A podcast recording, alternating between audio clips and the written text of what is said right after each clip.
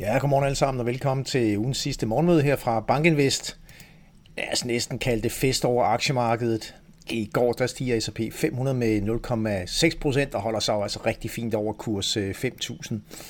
Og vi har også det danske OMX øh, Copenhagen Cap Index op med næsten 1 procent, og der er, som vi, de er, der kan se i oversigten her, der er altså ikke nogen markeder, der er i minus i går, der er plusser over, over hele linjen. Og øh, noget af det, jeg også er jeg synes er interessant at se, det er, at, at vi, kan, vi kan se et bredere kursopsving på de amerikanske aktiemarkeder her. Sidste år, der var en væsentlig del af afkastet på S&P 500, det var drevet af Magnificent 7, og øh, det er for så vidt også tilfældet nu, men vi kan se, hvordan at øh, S&P 493 faktisk bidrager til det største, største delen af, af årets øh, kursopgang på cirka 5,5 procent i alt, og der er de 3,7 Øh, procentpoint, jamen de er drevet af S&P 493 og resten af Magnificent 7. Så altså, vi ser et lidt bredere øh, opsving og en større deltagelsesgrad i, øh, i aktiemarkedet, og det er, det er selvfølgelig øh, med til at give et indtryk af, at der er lidt mere robusthed og, og bund i det, som, som vi er det, som vi er vidne til i den her kursopgang. Og nu hvor vi er ved Magnificent 7 og så videre, så kunne jeg ikke lade være med at tage lidt kulørt stof med her, sådan en, en fredag morgen et øh, herligt billede her fra, fra Bloomberg, som viser et par AI-robotter. Apple er den ene, og Microsoft den anden, og de kæmper altså mod hinanden her. Og øh, det handler altså om, at Apple nu også kaster sig godt ind i kampen om at udvikle AI-tools, der kan tage kampen op med Microsofts øh, systemer, Copilot, ikke mindst. Og, øh, og det der også er nyheder her til morgen, det er, at OpenAI, som jo rullede ChatGPT ud her i slutningen af 2022. Jamen, de er altså ved at udvikle nye øh, videogenerations øh, videogenererede, tekstgenererede videoværktøjer, som, som kan blive øh, garanteret både sjove og, og relevante for rigtig mange af os. Og øh, går man ind på OpenAI's hjemmeside, så kan man se, at de introducerer Sora, som er sådan et creating video from text tool. Og, og der er nogle eksempler på de her videoer, hvor man simpelthen skriver nogle, nogle linjer, et par sætninger, og så kommer, kommer der altså nogle ret øh, fascinerende videoer, der bliver genereret der. Man kan jo bare forestille sig, hvad det betyder for kreativitet og, og produktivitet ud i fremtiden. Så der sker jo simpelthen så meget på, på de her sådan, AI-områder, som er, som er interessante. Og på den anden side af kloden, så er der altså også øh, fest. Det er der nemlig på de japanske aktier. De stiger også rigtig frisk her til morgen, og har altså været i en virkelig imponerende kursopgang. Og øh, hvis man ser på Nikkei 225-indekset, så er, øh, så er indekset ved at, at komme tilbage og ja, bryde op igennem nye all-time highs. Og det interessante er jo altså, at sidste gang vi satte en kurstop, det var tilbage i 1989.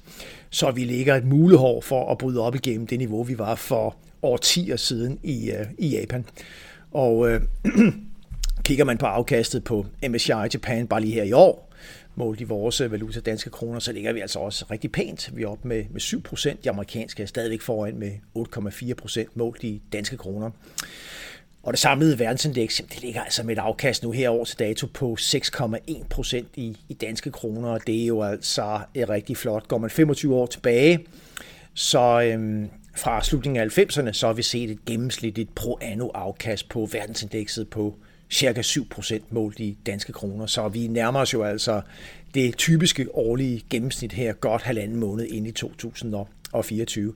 Selv så noget som kinesiske aktier, det er begyndt at, at flytte på sig i positiv retning, efter at vi ramte en ordentlig bund her i januar måned.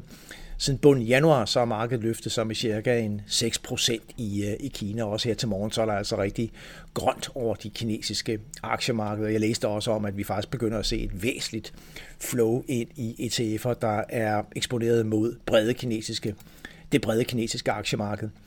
Så en eller anden form for fest har vi i hvert fald kørende i, i aktiemarkedet. Øh, på rentesiden, der er ikke sket det helt store de sidste par dage efter at vi fik løftet i sidste uge på de her højere end ventede CPI-tal ud af USA. Vi ligger sådan ret stabilt på, ja, senest 2,36 på en 10-årig tysk rente. Den faldt to basispunkter i går. Det samme skete i, i Danmark. Men altså, der er også rigtig gode vind over kreditmarkedet i sympati med det, der sker på, på aktiesiden. Hvis vi kigger på sådan et ja, Euro Investment Grade rentespænd til statsobligationer, så har vi jo bare tækket nedad og, og nedad og ligger øh, faktisk meget tæt på det langsigtede gennemsnit nu. Vi ligger med et rentespænd til stat i euro IG-markedet på 130 basispunkter på de her virksomhedsobligationer inden for investment grade space.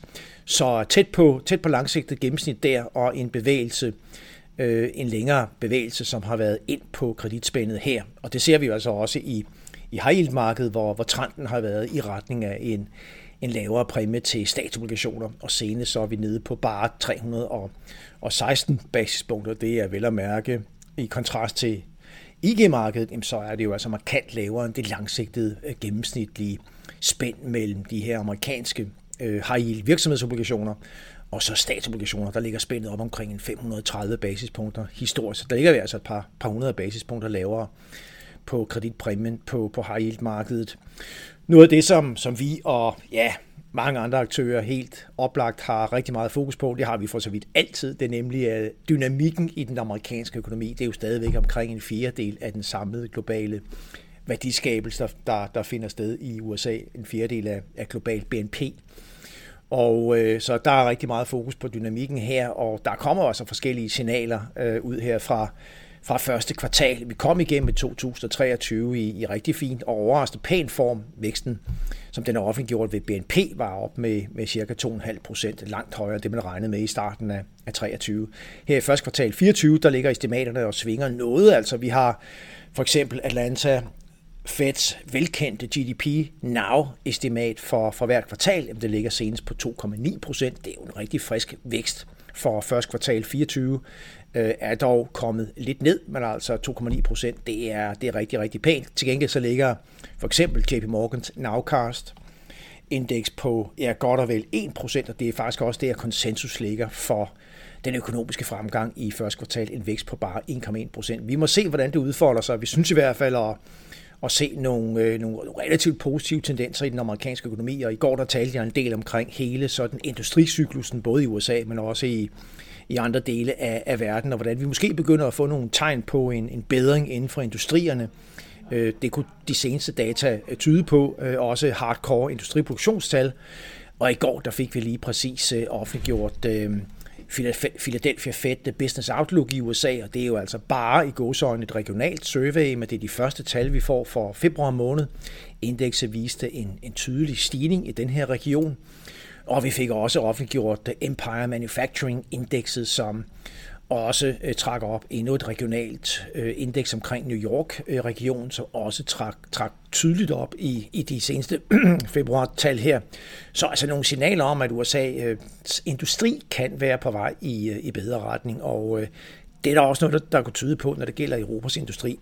her i næste uge, der får vi vel at mærke PMI-tal offentliggjort. Vi skal frem til på torsdag, så får vi PMI ud af ja, både Japan og, og Euroområdet, Tyskland, Frankrig, UK øh, og også USA, og det skal blive rigtig interessant at se, om, om de tal kan bekræfte, at vi sådan begynder at, at forme lidt bedre vinde ind over den globale industri. Vi kan se her, hvordan at økonomerne samlet set forventer en vækst i 2024 som helhed på 1,6 procent, og øh, Jamen det er jo egentlig ganske pænt, og den her, øh, de her prognoser er altså blevet opjusteret igennem 4. kvartal øh, 23. Vi lå noget lavere hen over sommeren 23, altså i det forventede vækstbillede for, for 24. Nu ligger vi op på 1,6 procent. Øh, og det er jo altså vel at mærke på toppen af 2023, som kom ud klart bedre end det, som man havde regnet med tidligere. Så, så det samlede indtryk af, af amerikansk vækst øh, trækker altså øh, i, i, i bedre retning. Det er klart, det har, kan have konsekvenser for hele øh, inflationsbilledet, det er man også for, for fedt til rentepolitik, og senest har vi jo altså set et løft op i i forventningerne til, til Feds rentebane, således at de forventede rentesænkninger ikke er helt så store længere. Her til morgen, der ligger vi igen med klart grønt i, øh, i Asien, og også de tyske DAX futures op med 0,3 procent. Ligger rimelig fladt på de amerikanske lige nu i hvert fald. Øh, der kommer masser af tal ud fra USA her i eftermiddag. PPI, housing starts, tal fra boligmarkedet, øh, forbrugertillid. Vi har også lidt data ud af Europa, UK detaljsalg og svensk arbejdsløshed. Så der er jo altså noget at tage fat på, og lad os se, hvad dagen bringer her. Og med det må I have en rigtig god fredag, en god weekend. Vi er tilbage mandag morgen.